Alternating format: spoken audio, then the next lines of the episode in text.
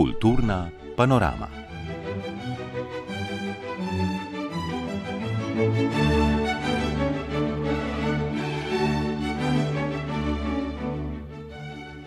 Spoštovane poslušalke, cenjeni poslušalci, vabim vas k poslušanju tedenskega pregleda, ki ga vsako soboto Uredništvo za kulturo tretjega programa, programa Ars Radia Slovenija, pripravlja skupaj z Uredništvom za resno glasbo.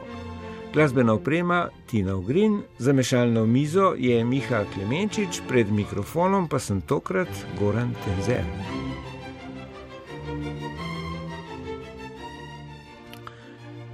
Tokratni začetek bo v znamenju dveh književnih in glazareve nagrade ter priznan mesta Maribor. Cankarevo nagrado so podelili prevajalcu Gašperju Kralju, nagrado tukajšnjih književnih kritikov, kritiško sito, pa je prejel pesnik Muanis Sinanovič.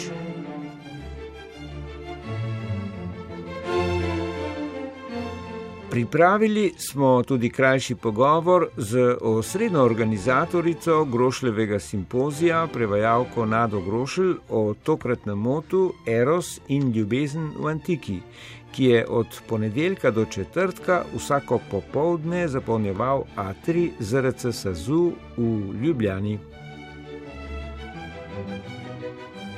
Slišati bo nekaj zanimivih ugotovitev raziskave aktualnega odnosa mladih do ljubiteljske in do kulture nasploh, ki smo jih posneli na nedavni okrogli mizi, ki je predstavila raziskavo.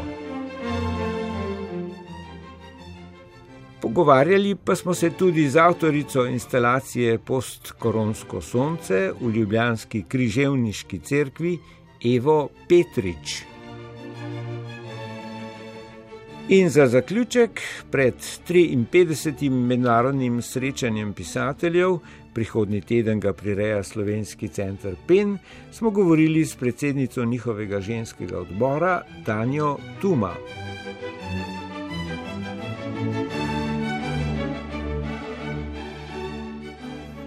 Skoraj teden dni že vemo, da je novi cankarjev nagrajenec Gašpr Kralj z romanom Škrbine.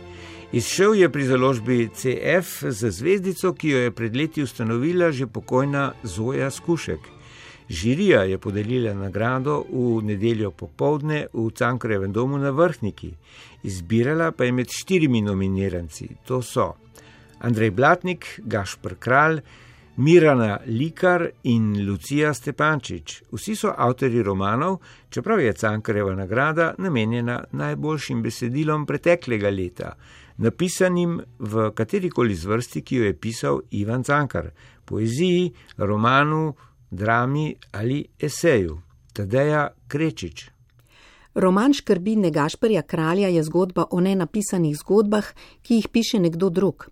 Junak se nameri pisati zgodbo o babici, o kateri skoraj ni najti sledi v arhivih ustanov, v katerih je delovala. V škrbinah je pisateljski krč povod za prepričljivo samorefleksijo o mejah in možnostih ubeseditve drobcev življenja, ki jih ni mogoče stlačiti v zaključeno zgodbo, v roman. Tako je zapisala žirija v temeljitvi Cankarjeve nagrade, kako se začne roman Škrbine, pa je na slavnosti ob podelitvi prebral Gašpr Kralj. Včasih prebereš kaj, kar natanko ali še bolje opiše, kar se ti v življenju dogaja. Recimo, kar sem prebral na zavihku neke knjige v Klarini knjižnici. Nekdo, ki se mu ne dogaja nič, si omisli zasebnega preiskovalca, naroči mu, naj mu sledi na vsakem koraku in na to poroča. Preiskovalec si misli nič lažjega, vendar pa hitro spozna, da na svoj preiskovalni obrazec nima kaj napisati. Stranka s tem ni zadovoljna. Da bi obdržal, se preiskovalec zateče k literarnim prijemom in trikom. Opisi detajlov, vrtoglave hipoteze, domišljijske zastranitve ali preprosto laži. Ko se tako pridobi naklonjenost stranke in kaj sugerira, izsvetuje naj stopi s komu stik ali jo napelje še nekaj drznejšega. Preiskovalno poročilo prestopi žanrske okvire, detektiv postane kronist, stranka lik v romanu. V knjigi pride do umora, detektiv je opleten zločin kot pisatelj, ki prizna krivdo. Nekaj zelo podobnega se je razvilo med Klaro in mano. Najprej nisem vedel, kaj bi sam sabo. Tudi meni se ni dogajalo nič. Klari sicer nisem naročil, da mi bo stalno za petami, vendar mi je čez čas začela slediti na vsakem koraku in tudi, in tudi ona se je v svojih poročilih osredotočila na drobnarije, se zatekla k domnevam in izmišljam. Ko pa je presodila, da ji zaupam, mi je vrgla kost. In za nekoga, ki hlepi po smislu, je kost lahko skoraj karkoli. Zakaj pa ne bi raziskal verjene zgodbe, mi je rekla nekega dne. Junak brez imena stopi torej v odnos s Klaro, ki jo sreča v Barceloni in ta ga vse čas vodi, spodbuja in nagovarja k iskanju podatkov, zapiskov, fragmentov, škrbin torej, iz katerih naj bi nastala zgodba o babici brez fotografije v družinskem albumu. Vračanje v preteklost torej. Zakaj? Na to vprašanje je Gašpr kralj Marko Goli takole odgovoril. V romanu eh, je nek prizor, ne, kjer, se, um, kjer se lik sreča z nekim profesorjem, profesorjem zgodovine. Opazuje, ga kaj počne in um, profesor, bi se ta možakar, ga poslušamo, razlaga mu o svojem družinskem drevesu, o svoji rodbini. Ne? In ta lik tip, ne, si mislim, dolgočasno, kot to, da ti en govori o rodbini, je samo to, da ti pripoveduje o sanjah. Ne, to je neki ironičen komentar, ampak deloma mogoče namigne na to, da ne bolj, ko so te vezi s preteklostjo ali pa kot ta preteklost, bolj, ko je večji kot je ta manjko, večji kot je ta v bistvu, bolj kot je to odrinjeno. Eh, večja je neka težnja po konstrukciji porekla, izvorov. Ne. Nekaj, kar mogoče lahko opazimo tudi v uh, literarni produkciji zadnjih let, ne, kar dosti časa v bistvu ne, spremljamo lahko to, da je pravzaprav nek trend, nek, neka celo neka moda uh, autobiografskega pisanja, uh, biografij, autobiografskih romanov in tako naprej. Ne. Ta lik v škrbinah ima s tem težave tega ne dela, ne. to ga paralizira na nek način. Ne. Pravzaprav gre za ne, neko to praznino, nek ta manjko, v bistvu, ki je najbrž povezan z nekim medgeneracijskim problemom. Oba v bistvu imata tako Klara, pripovedovalka ime Klara, kot brezini pripovedovalec, oba prvo osebna, ne, v bistvu imata nek problem z generacijo očetov. Tako da v bistvu Klara, ki, je, ki nekako vodi pripovedovalca. Ne. Tukaj nekako sugerira oziroma ne migne, da ne bi, zakaj pa se ne bi, v bistvu naj se bolj posveti oziroma zazre za dve generaciji nazaj. Ne. Ona recimo se ozira k generaciji deda, ki je bil v času španske državljanske vojne, živel v času španske državljanske vojne, on pa za to staro mamo, ne, ki je pa živela v bistvu bila aktivna v času partizan, partizanskega boja. Ne. In uh, ne, na ta način v bistvu ja, um, Se pravi, te odsotnosti, te praznine, ne, tukaj, tudi tukaj gre za neko, za neko um, nekaj prekinjeno vez s preteklostjo ne, in na koncu v bistvu ne pridemo do neke sklenjene zgodbe, ampak do nekega morda obrisa a, ali pa neke slike samo ne, neke 17-letne dekleta, ki gre, v, ki gre v hosto, ki potem študira strojništvo, ki je učiteljica in na zadnje tudi sodeluje pri gradni eh, nuklearnega reaktorja. Ne. Eh, nek omaž, neki napredni, uporni osebi. Ne.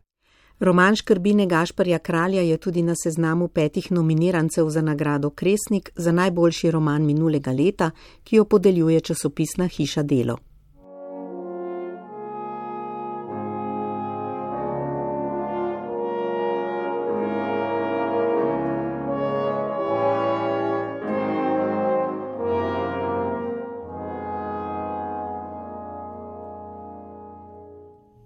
Na slovesnosti v Mariborski minoritski cerkvi so v petek zvečer izročili Glazarjevo nagrado in Glazarjeve listine, najvišja priznanja mesta Maribor za ustvarjanje v kulturi in umetnosti. Dobitnik velike Glazarjeve nagrade za življensko delo na področju baletne umetnosti je mariborski koreograf in baletni solist Edi Dežman. Glazarevo listino pa bodo ročili akademski kiparki Metki Kavčič, prevajalki Danieli Kocmut in opernemu solistu Martinu Sušniku. Slovesna podelitev Glazarevih nagrad je bila zaradi epidemioloških ukrepov tudi letos zamaknjena. Običajno je namreč 21. marca na rojstni dan pesnika in bibliotekarja Janka Glazarja, po katerem se imenujejo najvišja priznanja v kulturi in umetnosti v Mariboru. Brigita Mohorič. Dobitnik velike Glazerjeve nagrade za življensko delo na področju baletne umetnosti Edi Dežman, nekdani baletni plesalec, pedagog in koreograf ter večletni vodja Mariborskega baleta, je v štirih desetletjih postil pečat v obeh centrih baletne umetnosti v Mariboru in Ljubljani.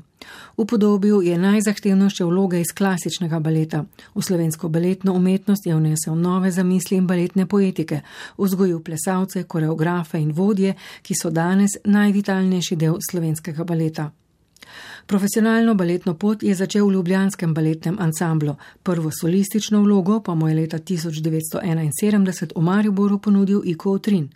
Kot koreograf in pedagog je po izobraževanju v takratnem Leningradu prinesel v Maribor veliko znanja, kjer je skupaj z Otrinom 30 let razvijal in gradil baletno šolo. Začel sem z baletnim vrtcem, malo šolo, pripravnico nižjo baletno šolo in potem sem končal, uh, počeval na srednji baletni šoli. S tem, da sem si moral iti z obrazbo v Rusijo, ker sem študiral metodiko, sicer ne bi mogel potem več učiti na srednji šoli. Uh, no in tako smo si mi pravzaprav ustanovili baletno šolo svojo, ki je bila potem čez nekaj časa šele verificirana, nižja baletna šola in potem še srednja baletna šola. Ne? Potem je bil že itak konzervatorij za glasben ples.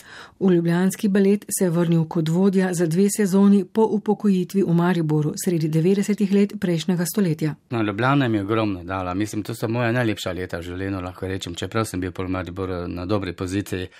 Ampak vso to šolanje, eh, služba v Ljubljanski operi, to, to, ni, to ni bil mali zalogaj. Ne? Mi smo tudi z Ljubljanskim baletom ogromno potovali, ogromno gostovali. In to mi je dalo blazno velike izkušnje. Pa, pa tudi potem v Mariboru smo, bil sem zadovoljen, uh, ogromno sem plesal, ogromno sem dajal, uh, učil na baletni šoli, tako da bilo je to eno veliko zadovoljstvo. Edi Dežman je v različnih vlogah pomembno prispeval k razvoju profesionalne ravni slovenske baletne umetnosti, ki je tako postala mednarodno primerljiva, je še med drugim zapisana v temeljitvi nagrade. Kiparka Metka Kavčič je Glazerjevo listino prejela za umetniška dela, ki jih je v zadnjih dveh letih postavila na ogled na treh razstavah, še posebej pa za skulpturo Pohabljene sanje v Mariborski minoritski cirkvi. Z njo se je poklonila pogumnim ženskam, ki so se javno izpostavile. Tukaj namreč govorim o ženskah, ki so popolnoma iskreno stopile na neko svojo pot z neko svojo iluzijo vendar so bile na tej svoji poti grobo pohabljene in bile so pohabljene tako fizično kot tudi psihično. Na razstavi Simulacrum Tradicija v Velenski galeriji je predstavila štiri kiparske cikle, ki jih je v različnih materijalih, lesu, glini, kamenju in kovini ustvarila v 20 letih. Razstava Odmik v Mariborski kibeli je bila njeno prvo soočenje z zvočnim in virtualnim svetom. Zgodbo o tojenosti človeka od narave pa je vizionarsko predstavila našo ujetost v virtualni svet, ki jo doživljamo v času pandemije. Druga dobitnica Glazerjeve listine je Mariborčanka Daniela Kocmot, ki že 30 let živi v sosednji Avstriji in je najvidnejša prevajalka literarnega opusa Draga Jančarja. Prevajanje Jančarjevih del je za njo izziv in užitek. Po mnenju Glazerjevega odbora je pravni zadnji prevod romana in ljubezen tudi zaslužen, da je Jančar za to literarno delo prejel prestižno avstrijsko nagrado za evropsko književnost. Kocmotova pove, da jo je ta roman osebno zelo pretresel in da je bilo prevajanje tudi boleče. Še nikoli se mi ni Jančarjevo delo kakšno tako močno dotaknilo. Seveda to noč sem videl tudi, ampak to pa še bolj, ker je pač gre za tudi za moje rojstvo mesto. Kocmotova doživlja nagrado domačega mesta kot veliko priznanje. Razume jo kot posebno vrnitev v njen Maribor, kamor se z družino vedno znova vrača, saj želi, da ostanejo tudi njeni otroci povezani s slovenskim jezikom in kulturo. Tretji dobitnik glazereve listine, tenorist Martin Sušnik, ki je član opernega ansambla Mariborskega gledališča od leta 2012, je odslej odpel več kot 30 vlog v operah, operetah in muzikalih. Nastopal je tudi na mednarodnih koncertih in opernih odrih. V zadnjih dveh sezonah pa je pel v opereti Netopir in operah Faust, Simon Bocanegra, ugrabitev iz Seraja in Marpurgi. Vloga Matijasa v operi Marpurgi, skladateljice Nine Šenk, je bila med najzahtevnejšimi, pove tenorist Martin Sušnik. Mislim, da predvsem zato, ker sam nisem vajen izvajati sodobne glasbe. Dejansko mi je ta vloga predstavljala velik izziv. Zaradi atonalnosti, Hkrati pa tudi sam lik Matijasa ni bil nek preprost človek, ampak neka razcepljena oseba in sem to poskušal potem in preko glasbe in preko igre uprizoriti na odru. Sušnik, ki mu poznavalci priznavajo vrhunsko pa ustvarjalnost, odrsko prezenco in odlično igro po vlogi Tonija v operi Ščipolka, je letos nastopil tudi v slovitem glasbeno-plesnem spektaklu Karmina Burana. Nastopa tudi v najnovejši operi Madama Butterfly. Thank you.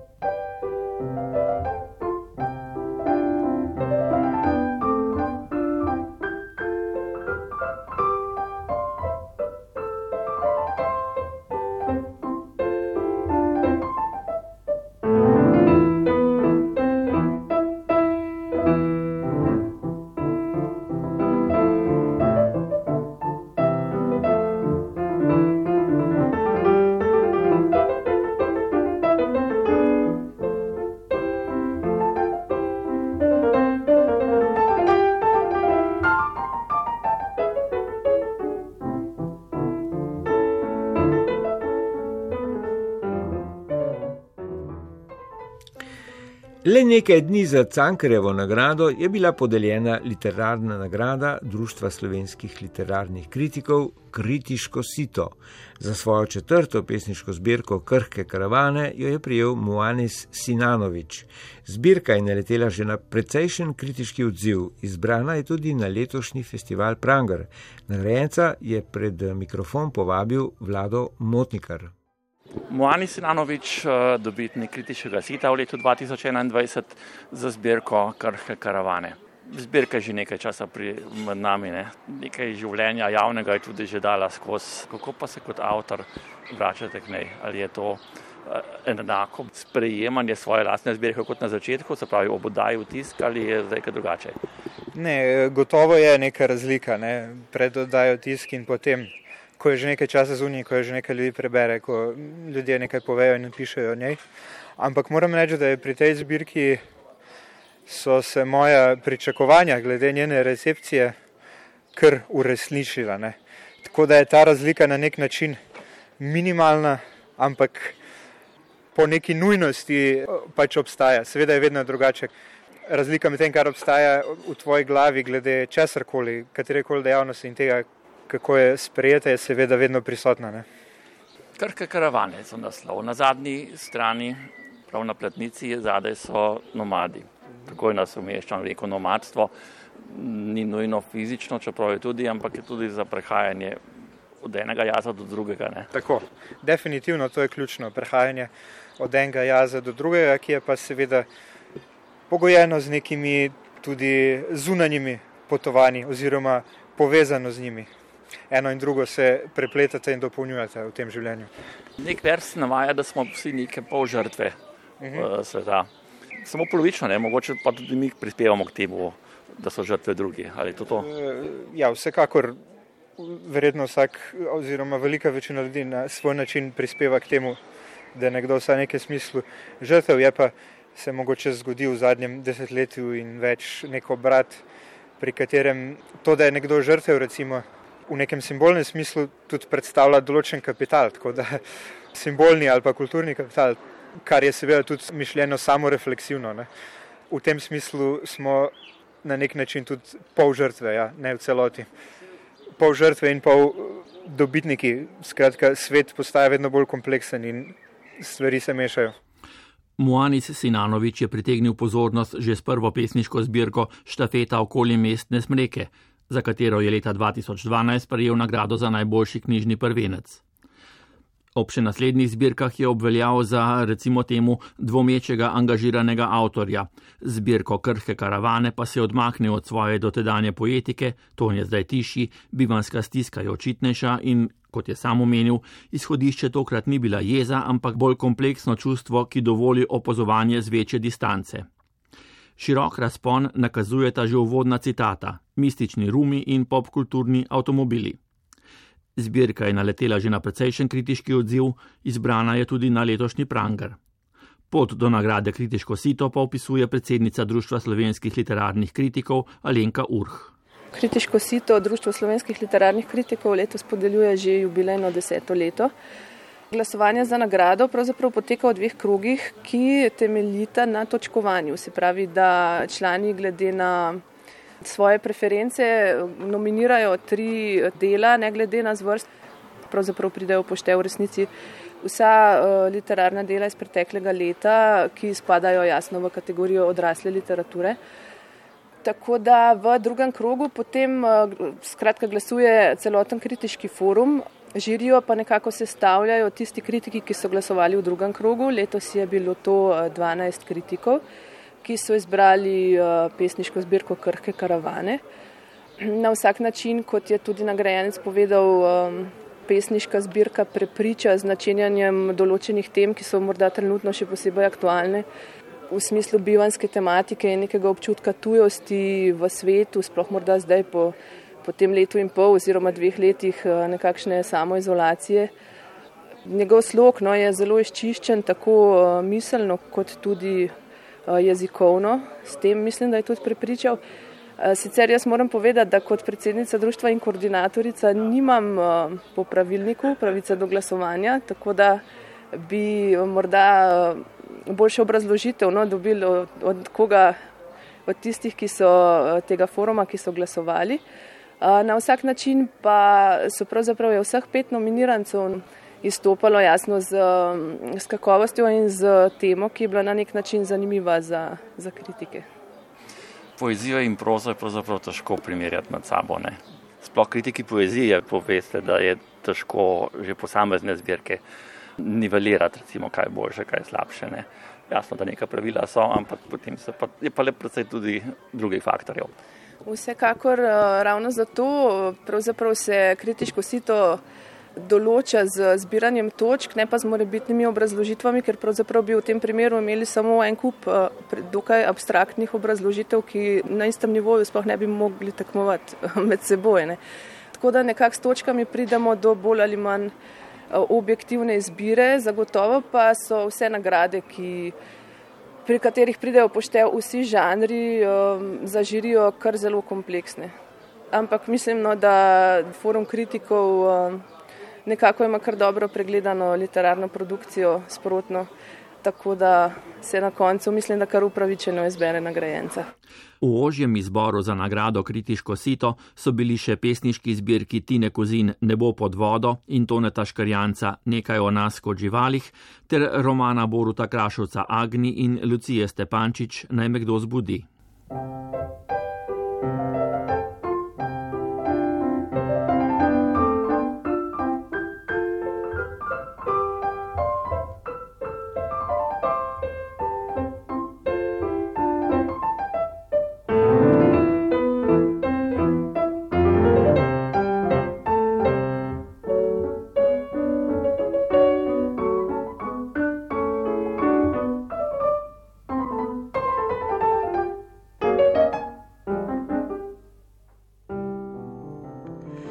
Četrtek pred večerom se je v atriju ZRC Sazu v Ljubljani z branjem rezijanske pravljice sklenil že 12. grošljev simpozij. Vsako popovdne od ponedeljka se je tako dalo v živo v prostoru samem in prek kanala na YouTubu spremljati spoznanja 17 udeležencev na letošnjo temo. Pretresel je Eros mi čutek oburja, ljubezen v antiki ali pri starih, kot bi se tudi lahko reklo. Vsako popovdne so namenili razčlenjenim povdarkom, naprimer Erosu in modrosti v ponedeljek, Erosu od bronaste dobe do klasične Grčije naslednji dan, njegovim ubeseditvam skozi poezijo, dramatiko in prozo pri ovidu. Neža Zajc pa se je ljubezni v poeziji lotila kar pri renesančnem mojstru Michelangelu Bonarottiju. Zadnji, četrti dan je izpostavil aspekte narativov skozi mite o Amorju in psihi pri starih in iz novejšega časa, od pravljic naprej. Tema Eros in ljubezen v antiki ponuja možnost primerjave načinov, s katerimi so ljudje v starem veku doživljali, vrednotili, razlagali in umetniško obravnavali erotično ljubezen. Osrednjo organizatorico, prevajalko in docentko z Ljubljanske filozofske fakultete, dr. Nado Grošelj, sem v studiu vprašal, kako nam spoznavanje starih pomaga pri sedanjem razumevanju razlike med ljubezni do človeka in do domovine. Naprimer. Češ, ljubimo lahko osebo, domovino pa imamo le radi, odvrnila je, da je bilo pri njih malce drugače. V antiki je bilo verjetno še veliko več poudarka na ljubezni do domovine, kakor zdaj, ker je bila pač zelo realna opcija to, eh, da si se eh, udeležil raznih vojn, bitk, spopadov, v njih padel in tako naprej. Ampak je pa to druge vrste ljubezen. Namreč Grki so dejansko razlikovali tudi v svojem jeziku med različnimi vrstami ljubezni, od katerih je recimo konkretno ta, o kateri smo se pogovarjali in se še pogovarjamo na simpoziju mi, eros. Uh, pač Eros je tudi uh, v tem citatu, a ne iz Sapfa, ki sem ga dala za uh, pač nekakšen moto, uh, za naslov simpozija. Uh, in pri tem Erosu uh, tukaj gre dejansko za uh, to erotično, uh, se pravi za seksualno plat ljubezni, ki je lahko svede po, uh, po eni strani tudi zelo poduhovljena, po drugi strani je uh, to lahko tudi nek tak najbolj osnovni gon, ampak tukaj gre za to vprašanje. In ta eros, ne, tudi romantična, romantična ljubezen, spolna ljubezen in podobno, je dejansko po grških predstavah imel ta predznak, da je nekako ne samo silno močan, ampak da je lahko tudi precej poguben, se pravi res razdirajoč kot kakšen vihar, kot kakšna burja uh, za posameznika, ki ga obvlada kot Freudov gon smrti napram gonu življenja. Ja, to se pogosto tudi, mislim, omenja, ne? recimo ta erost hanatos. To je seveda res, da erost to pač dejansko je neko počelo življenja, ampak kot vemo, to, kar je dobro za, eh, za vrsto, recimo, če rečemo kot specijas, to ni nujno dobro za posameznika znotraj te vrste. Ne.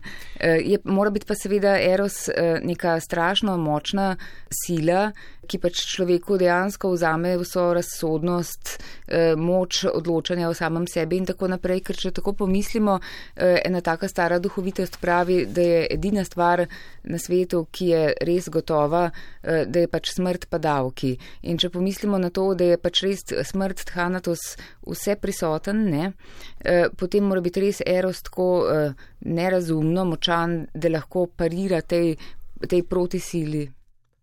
Na tem mestu ne bom povzemal kupice prispevkov deležencev, ponavljam, da se vse lahko gledate na kanalu YouTube ZRC Sazu. Na Grošlevem simpoziju, ki ga tradicionalno organizira Društvo za antične in humanistične študije, letos pa tudi ZRC-evski inštitut za arheologijo, ne sodelujejo le klasični filologi, temveč gre za širok nabor gostujočih, ki vsako leto ob izbrani temi brusijo naše sposobnosti razumevanja antike z namenom, da bi razumeli tudi naše sedanje življenje. Udeležila se ga je sestavkom, naprimer, tudi trenutna državna sekretarka na Ministrstvu za kulturo Friedl Jarc. Med drugim pa je v širokem naboru sodelujočih Nada Grošelj povedala še. Grošlov simpozij je imel zmeraj za svoj cilj, da bi čim bolj združeval različne vede, humanistiko, pa tudi smo imeli že recimo fizike ali pa arhitekte konec koncev. No, to je tudi recimo precej, precej že strana, ne bi človek rekel od, jezik, od jezikoslovja. Tako da mi smo to dejansko poslali na res zelo pestre naslove in potem pač, ko pridejo predlogi, ne, potem pa vidiš, kako se pravzaprav da te predloge, čeprav so zelo raznorodni, kako se jim pravzaprav da najti ene rdeče niti, po katerih jih grupiraš v skupine. Kot rečeno na začetku, 12. grošlov simpozij je sklenil recital Luigi Negro, predsednice kulturnega društva Muzej rezijanskih ljudi, ki je v rezijanskem narečju prebrala pravljico, ki motivno sodi v isto skupino kot Amor in Psiha. Na ekranu smo jo lahko bolje razumeli z usporednim predvajanjem prevoda v knjižni jezik.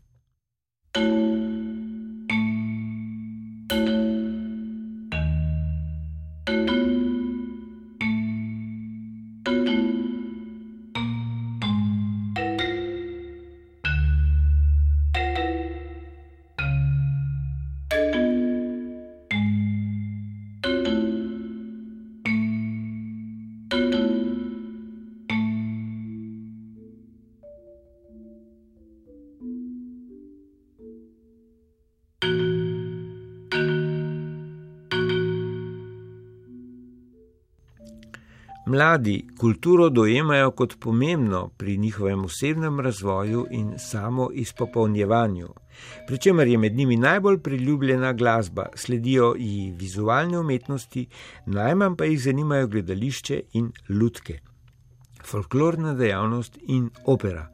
V tednu ljubiteljske kulture ugotavljajo na javnem skladu za kulturne dejavnosti.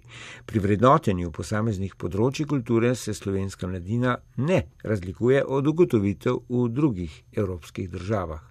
Analiza stanja mladih v ljubiteljski kulturi je tako pokazala, da se s kulturo ukvarja skoraj 60 odstotkov srednješolcev, med študenti pa je ta odstotek še višji.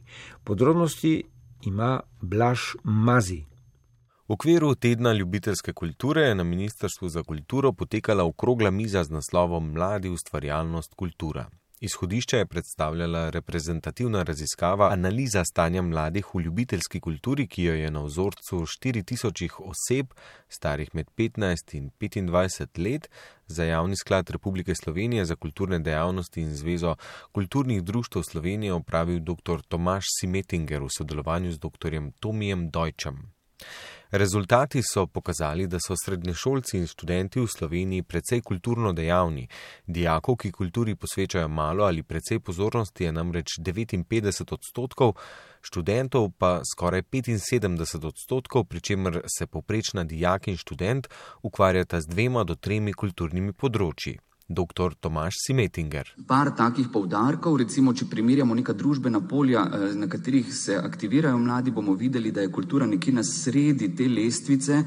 Eh, če imamo na začetku neko druženje s prijatelji ali pa neke športne aktivnosti, rekreacije, pa neka izobraževanja, ki jih vrednotijo najviše, imamo kulturo tam nekje na sredini. Ne? Najnižje tukaj pa seveda pade ta verska udejstvovanja, pa politični aktivizem.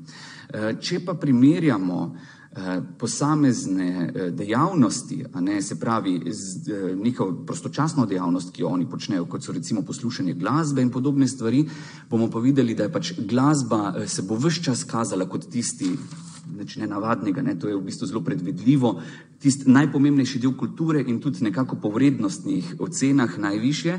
Eh, kasneje pa sledi potem druženje na socialnih omrežjih in podobne stvari. Tukaj, če pa primerjamo kulturo v nekem kontekstu prostega časa, je pa pravzaprav na dnu lestvice. Ne? Dobimo kulturo, obiskovanje kulturnih prireditev, kulturno ustvarjanje, to je pa čisto na dnu. Svetovalka za glasbeno umetnost Zavoda za šolstvo, dr. Inge Breznik, je ob tem izpostavila pomembno okoliščino. Zato, ker v srednjih šolah Um, če najprej pogledamo na področje gimnazij, so dijaki tako obremenjeni z šolskimi dejavnostmi, da jim časa za kulturo zmanjkuje. A to ni vse. Profesor dr. Rajko Muršič z oddelka za etnologijo in kulturno antropologijo Ljubljanske filozofske fakultete je opozoril, kako pomembno je, da lahko mladi nestrukturirano ustvarjajo izven institucij, za kar je nujen pogoj prostor. Torej, nekje morajo priti skupaj. Tisto, kar jaz opažam od 60-ih let naprej, tam do 80-ih let je bilo teh prostorov vedno več. Jasno, Slovenija ima, hvala Bogu, tudi zgodovinsko gledano, izjemno kvalitetno mrežo javnih glasbenih šol. Mogoče je celo vodilna v svetu glede te mreže. Ne? Na to smo lahko iskreno ponosni, ampak to ni dovolj.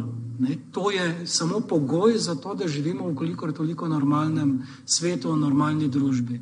Alma Selimovič Bunker je izpostavila sodobno gledališki festival v Italiji. Se je v bistvu izkazalo, da resurs, ki ga oni najbolj rabijo, niso finance za kuriranje YouTube zvest ali pa svojih vrstnikov iz bendov, ampak da hočejo imeti prostor. Zato, ker nimajo kam iti. Če so na trgu, jih preganjajo in morajo sedeti na vespah. Kamorkoli drugam grejo, so te javne površine, kljub temu, da so javne, v bistvu zahtevajo trošenje. Ti si moraš kupiti sok, moraš si kupiti pivo, moraš uh, trošiti. V knjižnici ne morejo sedeti, ker je tiha. Skratka, nimajo nikjer za biti, kljub temu, da živijo v podnebju, ki je precej milo. Uh, no in oni so v bistvu edino, kar so si želeli, je, da imajo svoj prostor, kjer se lahko srečujejo in pač sedijo in klepetajo. Iz tega se je pa pol tudi razvil ogromno um, zanimivih projektov. Dr. Rajko Muršič je ob tem spomnil na rok in kut France preširen. Živimo v mestu, oziroma zdaj govorimo o mestu, ki je v zadnjih letih izgubilo vsaj dva takšna prostora. in enega z zelo nasilnim posegom izčiščenja v rogu. To se ne sme zgoditi, to se ne bi smelo zgoditi in to je katastrofa za kulturo pri nas. Ne. Podobno je s Kudom France Prešer. Po naključju sem bil prav danes tam, to je bil nekoč mladinski center, ne, v katerem je vedno bilo nekaj mladih, zdaj jih ni več, zadeva je ne, očiščena, tako rekoč. Ne. Uh, hotel sem pa na to še upozoriti, ko govorimo o formalnem in neformalnem, imamo uh, problem pri mladih prav v tem, da oni sploh sredstev ne morejo črpati. Zaradi tega, ker ti potrebuješ račun, na katerega bodo ta sredstva prišla. Ne?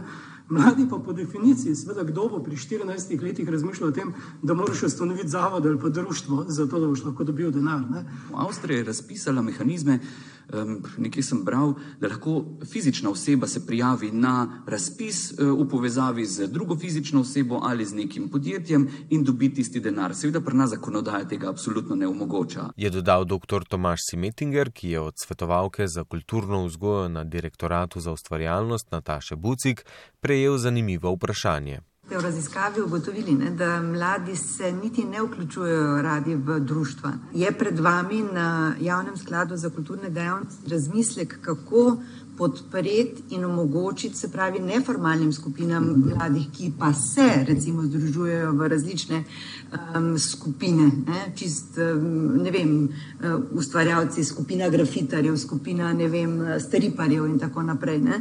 Odgovor ni bil optimističen. Bojim se, da če tu ne bomo zelo drugače obrnili te logike, ne, meha, razpisnih mehanizmov ali vem, sodelovanja z Zvezo kulturnih društv Slovenije, da ona vzpostavi na terenu neka polja, s katerimi potegne noter, brez teh formalnosti, ampak nekdo drug na mesto mladih te formalnosti vzpostavi, da bomo tukaj zelo težko um, dali področje mladim. Je pa to samo en mali vidik, brez okolij, brez uh, ozaveščanja in tako naprej, ne bomo prišli tukaj daleč. Ne. Iz izkušnje, ko se pogovarjam z ljudmi na terenu, zelo pogosto rečejo, ja, pa mi smo, ne vem, tekmujemo za istemi, pa to so nam konkurenca. Danes recimo, ena, recimo, bomo rekli, gledališče profesionalno ali pa opera, ni konkurenca ljubiteljski kulturi, tukaj moramo sinergije iskati. Ne? Danes mi tekmujemo z Netflixom pa z videoigrcami, bom rekel pod narekovaja. Ne? Tukaj iščemo skupne točke in tu noter mislim, da nas čaka kar precej dela še.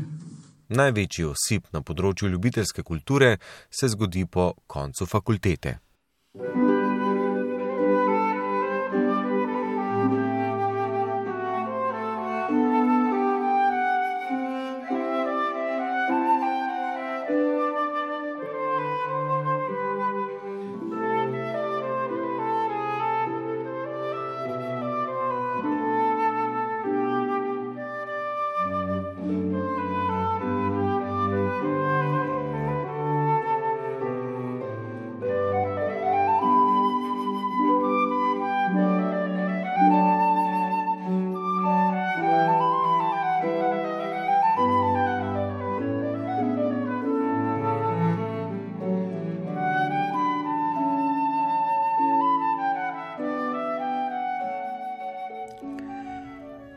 toplejšimi dnevi in sproščanjem ukrepov prihaja v mestna središča vse več dogodkov.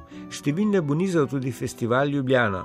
Na svojo vrstno meditacijo se tako lahko odpravite v križevniško crkvo.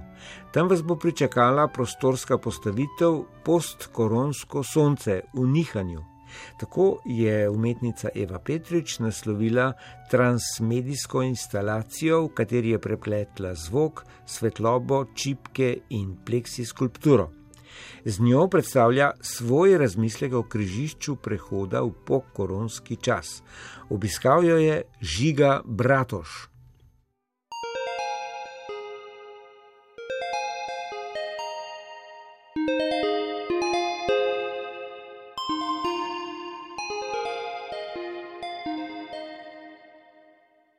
Gospa Eva Petrič, vaša instalacija je oblikovana prav za ta prostor v Križevniški cerkvi, ki kar vabi zvok med svoje stene. Tokrat je zvok dotik, kot ga imenujete. In ker je najm pogovor radijski, prosim, prvo povejte, kako se povezuje čut tipa in sluha, kako ste ga upletli v zvočno podobo tega projekta, kako vas je nagovoril ta prostor. Hvala lepa. Um, v bistvu me je zelo nagovoril prostor, ker ima močen odmev. Tloris je, ko bi rekla, enakopravni križ in označuje kot nek kompas, levo, desno, gor, dol, um, sever, vzhod, zahod, jug, kam gremo. Med časom pandemije, ko sem ustvarjala predlog za ta prostor, je bilo tudi um, dotik, je bil nekaj, kar res nam ni bil dovoljen. In mi je pa fascinanten dotik, zato ker ogromno stvari znamo prevesti v neko digitalizacijo, v virtualni svet, ampak dotika pa še vedno ne znamo. In sem pač poskušala, na kakšen način bi nagovorila pač to temo, pomembnost dotika, ki dopolnjuje pač človeške odnose, pravi dotik. In se mi je zdelo, da pač zvok nekako mogoče najlažje naredi neko domestilo dotika in da tudi v bistvu spregovorimo o tej temi. Vse je med seboj prepleteno na naši zemlji, v naravi in med ljudmi, številni odnosi v navskrižnih interakcijah. Bolj smo povezani in so odvisni, kot se tega zavedamo, pravite. Ko se ena nit pretrga, zavibrirajo vse ostale. No, poznamo vas po čipkah, ki so pogosto vaša tema, tudi tokrat najdene in reciklirane. Tudi one so preplet niti. Kakšen pomen imajo čipke v vaši instalaciji? Ja, čipka v bistvu mi nagovarja povezave med nami, pač mi tudi predstavlja povezave med mikro in notranjim delom našega telesa, naših celic, kot tudi refleksija tega v večjem makronivo, zvezdni obliki, bi človek lahko rekel. Prav specifično za to inštalacijo mi je pa pač simbol sonca. Sonce nekaj, kar pač si vsi delimo, eno sonce imamo. In v bistvu kot prispodoba mm, koronavirus, ki tudi nekako deluje kot neko sonce s svojimi temi žarki, eh, vizualno ste si podobni, zadeva pa tudi cel svet. In v bistvu tudi vpliv korone se bo še naprej občutil, njena pač kot od sonca neka toplina, ne, žarki bojo še naprej sijali v vse možnih oblikah v našem življenju in sem zaradi tega pač se odločila za čipko, spet ta njen povezovalni motiv. Um, istočasno pa kot ključni del inštalacije je koncept Nihala in sem se odločila pač iz tega zelo visokega stropa obest zemljana ki je tudi narejen iz idrijske čipke, pač preveden naprej v digitalno obliko prek si steklo um, skulptura, ampak izhaja pa pač originalna forma je bila senca prevedena v idrijsko čipko in tudi nakazuje povezave znotraj samih nas um, ali pa tudi v bistvu v smislu človeštva, um, pretakanje dobrega, slabega, um, smrti, življenja, črno-belo. Umestili ste to figuro zemljana na Nihalu na križiščno točko križevniške cerkve, meče senco, čipke na to živo rdečo podlago. Na kakšnem križišču smo, kakšno je vaše sklepno sporočilo ali pa napotek eh, s to večmedijsko postavitvijo postkoronskega sonca v Nihanju?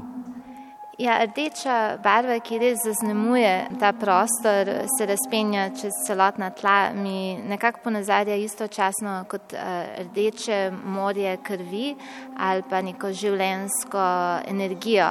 Gre za življenje tu, um, življenje pač vsebuje vse različne plasti, rojstvo, smrt in prepletanje obeh. Inštalacijo vabi, da se človek dotakne tega, kar v bistvu nam nekako je bilo oduzeto. Dotik, ki lahko pač vse nekako sesuje, razbije, vse zaniha, ali pa dotik, ki istočasno lahko zdravi. S tem sem želela pač tudi pokazati, da pač se bo nadaljevalo še naprej ta odmev korone v našem življenju. Sence, ki jih figura zemljan meče na tleh in ki se pač vrtijo naokol, kaže pač tudi na to, da ne, je vse v nenehnem spreminjanju in nekem plastenju. In z našo akcijo, z našim konkretnim oprijemom zadev lahko tudi mi usmerjamo stvari. In tudi ta prostor cerkve je na nek način meditativen in nudi neko umiritev, nek razmislek. Ne? Res je, um, zato me v bistvu fascinirajo taki prostori za umetniške dejavnosti, bolj kot zgolj galerije, ker je res neka dodana vrednost. Človek se pač umiri, um, na nek način bi lahko rekli, zameditira in res lahko na vse različne načine dojema pač to umetniško sporočilo, ki ga sprožajo umetniška dela na različne načine. Gospa Eva Petrič, hvala za pogovor o vaši instalaciji Post-koronsko sonce v Nihanju. Hvala tudi vam.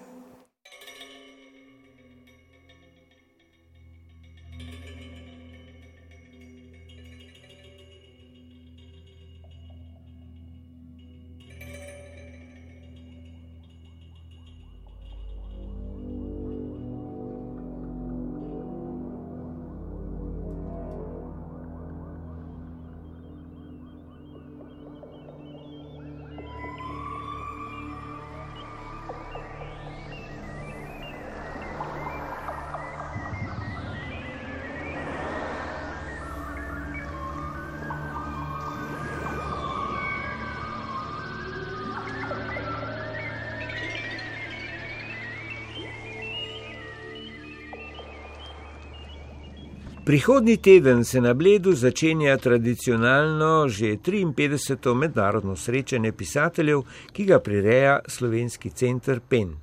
Srečanje bo potekalo v živo in prek spleta. V Slovenijo prihaja približno 30 pisateljev, poglavitna tema, o kateri bodo razpravljali, pa bo svoboda.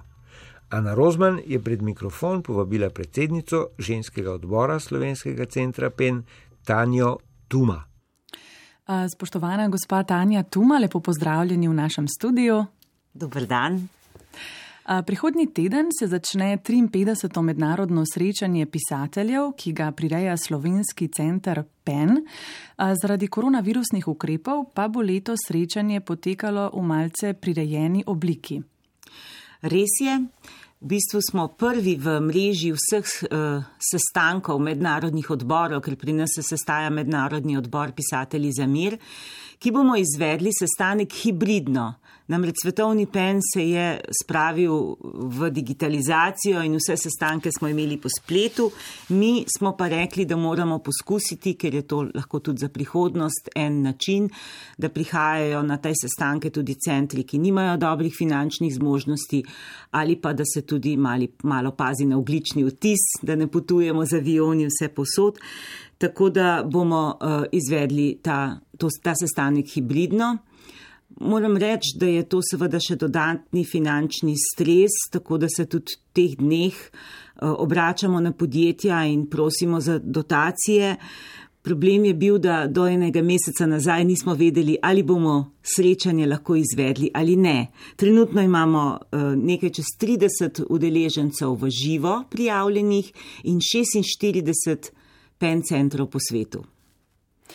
No, krovna tema letošnjega srečanja pa bo svoboda oziroma prihodnost svobode. Kako to, da ste sklenili oziroma da ste se odločili prav za to temo?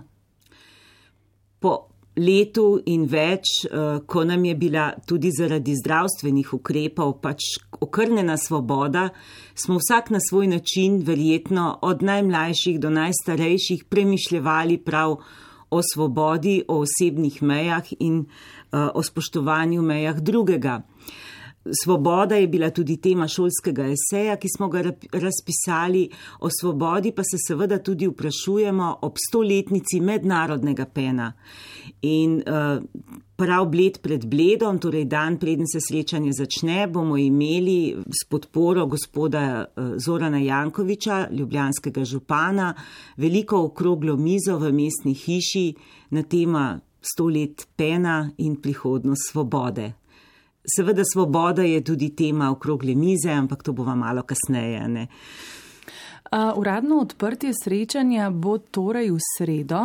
Zasedala bo generalna skupščina odbora mednarodnega PEN, pisatelji za mir. Ta dan pa se bo odvil tudi prav poseben recital na prostem. Nam lahko poveste malce več torej o dogajanju na ta dan? Usrednji del srečanja je vedno generalna skupščina Mednarodnega odbora pisatelji za mir in zjutraj jo bo nagovoril predsednik državnega zbora, gospod Igor Zorčič, verjetno z, z video prispevkom. Popovdne se bo na nas obrnila gospa Jennifer Clement, mednarod, predsednica Mednarodnega pena. Uh, ta recital je nekako potem odprtje na katerem nas bo pozdravil blejski župan, gospod Janez Pfeiffer, ki je vsa leta izjemen podpornik tega srečanja, navdušen nad vsako našo novo idejo in resnično ena dobra duša našega, našega uh, dela tam na Bledu.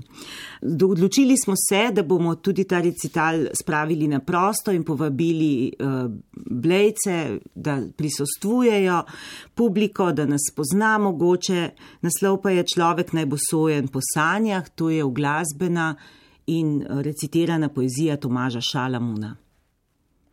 V četrtek, 10. junija, pa se bosta potem na Bledu odvili dve pomembni okrogli mizi, namreč tudi okrogle mize, na katerih se krešajo ideje, so stalnica srečanja pisateljev. Res je. Prva okrogla miza je tema, ki jo je določil slovenski pen, torej prihodnost svobode. In na njej se bo moderatorka dr. Leonora Flis pogovarjala s sogovorniki eh, iz kurdskega pena, mađarskega pena, francoskega pena in povabili smo gospod Petro Tuša Klesjak, predsednico Društva novinarjev Slovenije, da tudi ona poda svoje videnje. Druga okrogla miza je okrogla miza uh, Mednarodnega odbora pisatelji za mir in, ima, in nosi naslov Pisatelj v akciji, protest ali dialog. To okroglo mizo bo vodil predsednik odbora pisatelji za mir, gospod Emanuel Pierra, sogovorniki pa bodo uh, finski pen, Burhan Zönmes iz turškega pena in član mednarodnega borda, švicarski Alex Parodi iz švicarskega pena in dr. Edvard Kovač iz slovenskega pena, ki je tudi permanentni tajnik odbora pisatelji za mir. No, torej, nekaj uglednih tujih gostov ste že ravno kar omenili, vendarle me zanima še, če nam lahko poveste še malce več torej, o tujih gostih, ki prihajajo na bled v živo prihajajo iz mačarskega, francoskega, nemškega, turškega, avstrijskega, švicarskega, š, francosko govorečega, pena San Miguel, portugalskega pena. In seveda veliko je tudi naših kolegov iz slovenskega pena, letos je zelo lep tudi ta obisk. Online, torej po spletu, pa, bodo, pa bo z nami v svet. Še enega gosta moram omeniti in sicer prihaja v živo uh, ikornov gost Peneli Treja v egzilu, tako da bomo imeli tudi en zanimiv pogled in upam, resnično upam, da bo dvema gostoma iz Belorusije tudi uspelo priti, glede na nedavne razmere. Mi si zelo prizadevamo, ker je to ena tema, o kateri moramo razpravljati in uh, čakamo zdaj, da boste lahko uredila papirje in potovala do Slovenije. Prihodnji teden se torej obeta res zanimivo 53. mednarodno srečanje pisateljev. Srečanje bomo seveda podrobneje še spremljali. Zaenkrat pa Tanja Tuma, lepa hvala za ta pogovor in vsa ta pojasnila. Najlepša hvala za povabilo.